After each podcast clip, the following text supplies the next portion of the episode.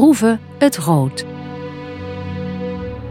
Hoewel veel kalksteen in ondergrondse tunnels werd gewonnen, is Groeve het Rood een dagbouwgroeve. Bij dagbouw ontstaat er een kuil die steeds dieper en breder wordt afgegraven. De mensen die hier op het plateau woonden keken met afschuw naar het landschap dat steeds verder werd opgeslokt. Toen de kuil wel erg dicht bij de gehuchten het Rood en Gasthuis dreigde te komen, volgden er grote protesten. Die hebben voorkomen dat de gehuchten van elkaar gescheiden zouden raken door de diepe groeven. Tot 2017 is in Groeven het Rood kalksteen gewonnen. Stapsgewijs wordt de groeve teruggegeven aan de natuur. In de oudste helft van de groeven is een waardevol, gedeeltelijk bebost landbouw ingericht.